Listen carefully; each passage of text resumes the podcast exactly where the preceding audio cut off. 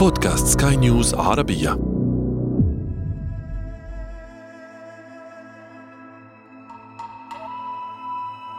مؤشر كثير مهم نحن ننتبه على ال quality تبع ال food نتيجة الأسعار.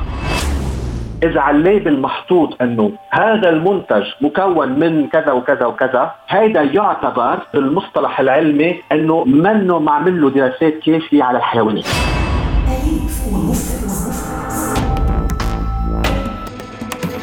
كنت واحدا من أولئك الذين يعشقون التعرف إلى أسرار البراري أو حتى ممن يهابونها. هذا صوتهم. فماذا عنك؟ عناية كبيرة قد تفوق توقعاتك. تلك هي التي لابد عليك أن تعتمدها للحفاظ على صحة حيواناتك المنزلية. وموضوعنا لليوم سيعجبك كثيرا. لدينا معلومات ستفيدك إذا فكرت في تغيير أكل حيوانك الأليف دون أن تجعله يصاب بحساسية تغيير الأكل. سنتحدث في هذا لاحقا لكن الآن دعونا نتصل بالدكتور علاء أبي رزق خبير الصحة الحيوانية. أليف ومفترس. أليف ومفترس. أليف ومفترس.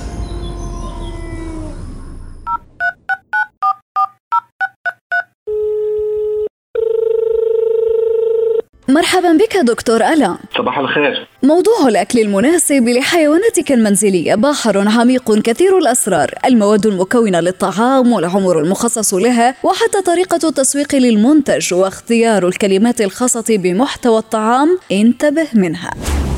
قبل ما أعرف أنواع الحساسية ممكن تصيب الحيوانات من جراء تغيير النظام الغذائي أو أصناف الأكل اللي بيستهلكها الحيوان خلينا نعطي تعريف سريع للمستمعين. شو هن أصناف الأكل اللي بتاكلها الحيوانات الأليفة؟ آه، أكيد نحن بنروح على المحلات التجارية السوبر ماركت بنشوف نحن في عنا ال dried food يعني ال food. يعني عم نحكي اكياس يا بقلبها الأكل مجفف. ممكن يكون في عنا canned food يعني عم نحكي نحن الأكل بيبقى فيه نسبة رطوبة عالية عم نحكي بحدود ال 80% وفيها بقلبها الغذاء. ممكن يكون الأكل هو cooked food يعني أكل نحن طبخناه بالبيت. وممكن يكون raw food يعني آه، أكل هو آه، منه مطبوخ آه، مثل اللحمة أو السمك أو الدجاج.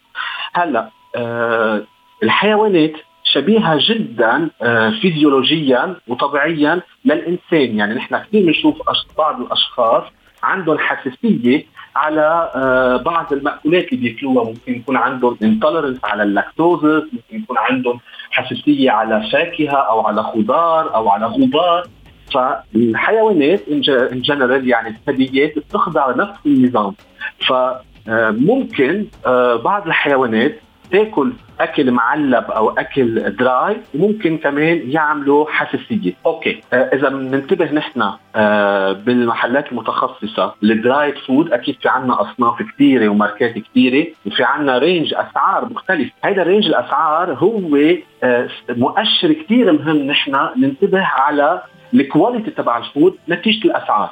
so أكيد إذا عم نحكي نحن عم نحكي قطط أو عم نحكي كلاب رح نلاقي في عنا ماركات وبقلب كل brand رح نلاقي إنه هيدي المكون الأساسي فيها دجاج أو المكون الأساسي فيها لحوم أو المكون الأساسي فيها أسماك.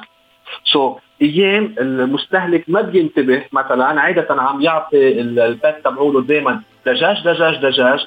بمرة معينة أخذ أسماك؟ ممكن الحيوان يكون عنده حساسية على الأسماك فبتبين عنده المشكلة. أن تعلم أي من الأطعمة المعروضة في الأسواق فعلا هي مناسبة لحيوانك المنزلي أم لا؟ لابد عليك أن تدقق في محتواها الذي سيعرض كتابة على الكيس. احذر من كل ما قد يحتوي على مادة الزرنيخ أو الميلانين فقد يتسببان في فشل كلوي لحيوانك المسكين. in general نحن آه، كأخصائيين بننبه آه، أنه مش دائما المشكلة رح تكون حساسية. يعني رح يبين أنا عندي عوارض حساسية بس السبب ممكن يكون منه الحساسية.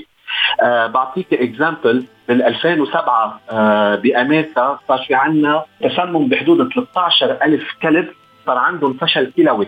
أه عملوا الأبحاث كلها سوا لقيوا إنه في أصناف من أكل الكلاب الموجودة بالسوق فيها بقلبها مادة الميلامين فيها بقلبها مادة الزرنيخ. وهودي المواد بيعملوا فشل كلوي. أكيد أصحاب الكلاب لأول وهلة افتكروا إنه هذا الحيوان عمل تسمم عادي نتيجة تلوث عادي أو عمل حساسية. بالواقع كان هو تسمم أخطر اللي هو فشل كلوي. هلأ كيف المستمع بده يفرق بين a good quality food from a bad quality أول شغلة بده يقرأ على ال label. إذا على ال label في أسرار على ال label تبعون أكل الكلاب والقطط كثير مهم. إذا على ال label محطوط إنه هذا المنتج مكون من كذا وكذا وكذا هذا يعتبر آه، بالمصطلح العلمي إنه منه معمل له دراسات كافية على الحيوانات. إذا مكتوب إنه هذا المنتج يؤمن غذاء متوازن للكلاب والقطط etcetera يعني هذا المنتج عاملين عليه أبحاث. so أنا بدعي كل المستمعين بس يكونوا عم ينقلوا من brand ل brand أو من صنف لصنف يتأكدوا ويقروا كثير منيح شو آه شو مكتوب على ال label. والمكونات بقلب الكيس أو بقلب ال can كمان لها دلاله كثير مهمة. اجمالا بس نقرأ ال ingredients المن يعني آه، من شو مكون هذا الأكل. اجمالا أكبر كمية بحطوها بالأول. يعني إذا قايلين هيدا المنتج فيه بقلبه دجاج حبوب آه ومكملات etcetera يعني هذا المنتج أكثر شيء فيه دجاج أو أكثر شيء فيه لحوم. إذا كلمة لحوم أو دجاج إجت آه بمرحلة متأخرة بتسلسل آه ال ingredients بقلبه بيكون هذا المكون منه المكون الأساسي. فنحن بنعرف إنه الكلاب والبسينات بدها تأكل أكثر شيء آه مصدر بروتيني حيواني. so لازم يكون باول بأول ingredient محطوط آه، المكونات البروتينية الحيوانية وبعدين القصص الباقي أما أنواع حساسية تغيير الأكل للحيوان المنزلي فقد تختلف حسب الحالة من التأثير الخارجي على الوبر أو الوجه أو إلى صعوبة في التنفس فلا تستهن أبدا بالأمر. هلأ الحساسية ممكن تبين حساسية جلدية وهذا اللي دائما نحن بنشوفها عند الحيوانات الأليفة يعني ببلش آه، يهر الوبر أو ببلش يصير في تشققات بالجلد. هيدي بتكون آه، حساسية in general هيدي اللي أكثر شيء شائعة. ممكن تتطور مع الحيوان لحساسية بنسميها anaphylactic يعني آه بصير في عنده ضيق تنفس هذا الحيوان. ممكن يوصل لحالة الوفاة بس أكيد هيدي حالات نادرة جدا. وإذا ظهر أي عوارض تنفسية فجأة على الحيوان أكيد المستمعين بدهم ياخذوا ال pet تبعهم دغري عند عند الطبيب البيطري. تيقدروا يحلوا المشكلة. هلا in general مش نقل الغذاء يعني هذا الحيوان عم ياكل هذا الأكل ونحن ما ما توفر هذا الأكل أعطيناه أكل ثاني رح يعمل حساسيه ممكن يكون في component معين بهذا الأكل يعمل له حساسية فعلينا نحن نراقب الحيوان خاصة بس نكون عم نقلب من brand آه، معين ل brand ثانية أو من صنف معين يعني dry food ل canned food etcetera هلا آه آه برجع بقول أنا الحساسية عند الحيوانات نتيجة الأكل اجمالا عم بتكون حساسية آه طفرة جلدية. يعني ممكن يهر الوبر ممكن يكون في تشققات ممكن يكون في ورم بالأعين. هلا إذا تطورت الحالة بتصير مشاكل تنفسيه بس كمان برجع بكرر بدنا ننتبه ونفرق لأنه في كمان أصناف الأكل بتعمل آه، فشل بعضلة القلب. هي ما بنعتبرها حساسية. هيدي آه لأنه الغذاء أو المكون تبعوله كثير غني بالبروتين وما فيه بقلبه حبوب لازم يكون بأكل الكلاب والقطط في نسبة قليلة جدا من الحبوب. هلأ في كثير مستمعين بيقولوا إيه بس ما هيدا الحيوان بالطبيعة ما بياكل حبوب. مش مزبوط. بالطبيعة الذئاب وال والنمور بتاكل مثلا الحيوانات الثديه مثلا بقرة أو بيهجم على غزال وهذا الغزال بيكون آكل أعشاب وحبوب وال وال والذئاب رح تاكل كمان نسبة قليله من الحبوب.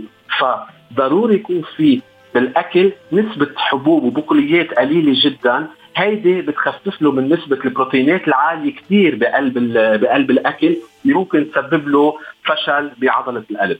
فبدنا نفرق بين الحساسية اللي هي رح تكون أغلبها حساسية جلدية إن كان الوبر وإن كان الجلد وإن كان الأعين وإذا تطورت صارت تنفسية.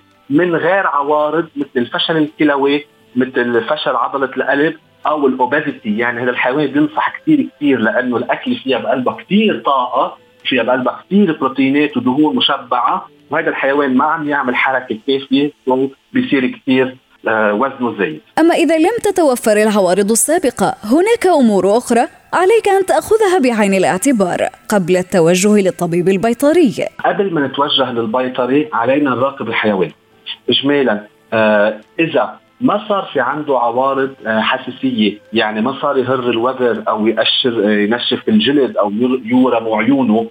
بدنا ننتبه على الإفرازات اللي عم يفرزها هيدا البات إذا بنسميها نحن لوزن ستول يعني آه صار عم يعمل ريحة بشعة صارت معدته منا كاتمه مزبوط هيدا مؤشر إنه الأكل اللي عم نعطيه لهذا الحيوان منه كثير مناسب له so أول مرحلة بننتبه نحن إذا تغير آه بالبراز أو بالخروج تبع هذا الحيوان صار في تغير.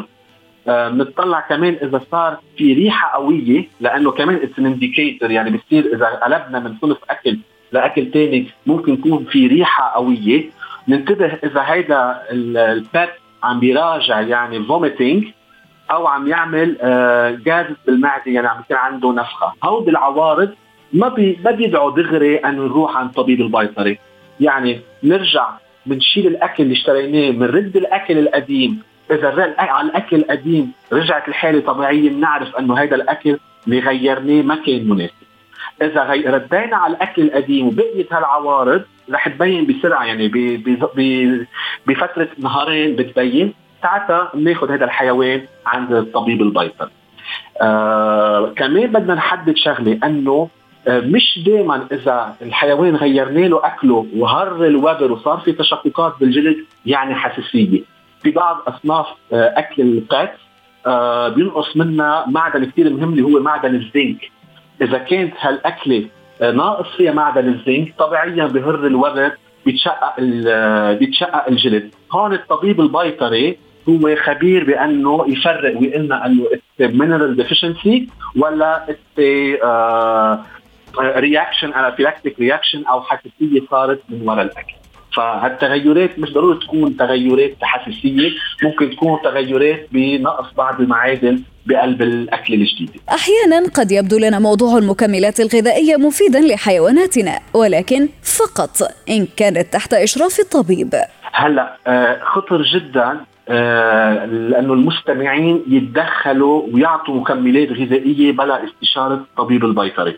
لأنه حتى لو كانت هالمكملات الغذائية نعطيها آه، مثل فيتامين بنقول بسيطه بعطيه فيتامين بي أو الفيتامين دي ممكن الجرعة اللي رح نعطيه إياها ما تكون مناسبة. فالأفضل إنه ما نعطي نحن مكملات غذائية إلا بعد استشارة الطبيب البيطري لأنه ممكن نعرض الحيوان تبعولنا لفشل كلوي أو لفشل رئوي أو لفشل بعضلة القلب نحن بنقول إنه إيه بسيطة أنا أعطيته لتفه زنك أو أعطيته لتفه فيتامين دي أو فيتامين اي من عندي ممكن يعمل فشل كلوي. فبننتبه إنه نتجنب نعطي مكملات غذائية إذا ما استشرنا الطبيب.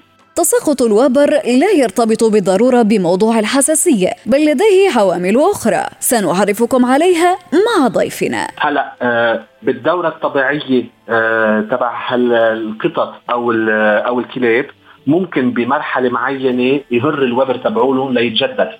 okay so, هيدا it's normal process واجمالا بنتضايق خاصة من الأصناف اللي بتبقى وبره كثير كبير. يعني اللي عنده مثلا آه long hair مثلا long hair رح يحس فيها. هلا اللي عنده آه قطط ما بعرف مثل British short hair ما رح يحس إنه عم بيهر كثير وبر هلا آه، هر الوبر هو حالة طبيعية قبل التزاوج آه، بمرحلة آه، فصل الشتاء ممكن يغير الوبر تبعوله. إذا كان عم بيكون الهر الوبر كتير عالي وعم يعمل patches يعني عم نشوف أنه عم بيهر مثل رقع أو بقع معينة ممكن تكون أمراض فطرية وعلاجها بسيط. ساعات الطبيب البيطري بيحددها. بس تنقدر نحن نتجنب هر الشعر إذا هذا الحيوان عم يأكل غذاء مضبوط آخذ all his medication and vaccines. هيدا ما في سبب uh, نعتل هم بس نعرف أنه نحن بس يكون عندي حيوان long long hair animal عنده tendency أنه يزعجنا بالوبر تبعه.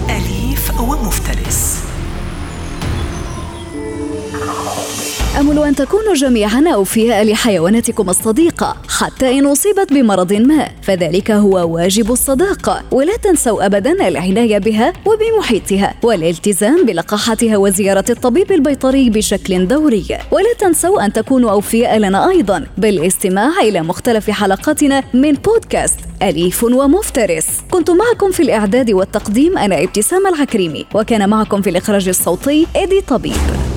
أليف ومفترس. أليف ومفترس. أليف ومفترس.